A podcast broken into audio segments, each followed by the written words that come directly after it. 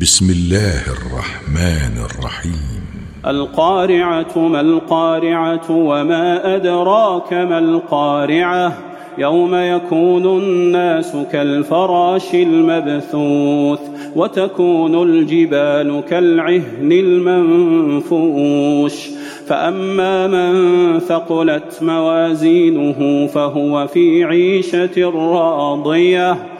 وأما من خفت موازينه فأمه هاوية وما أدراك ما هي نار حامية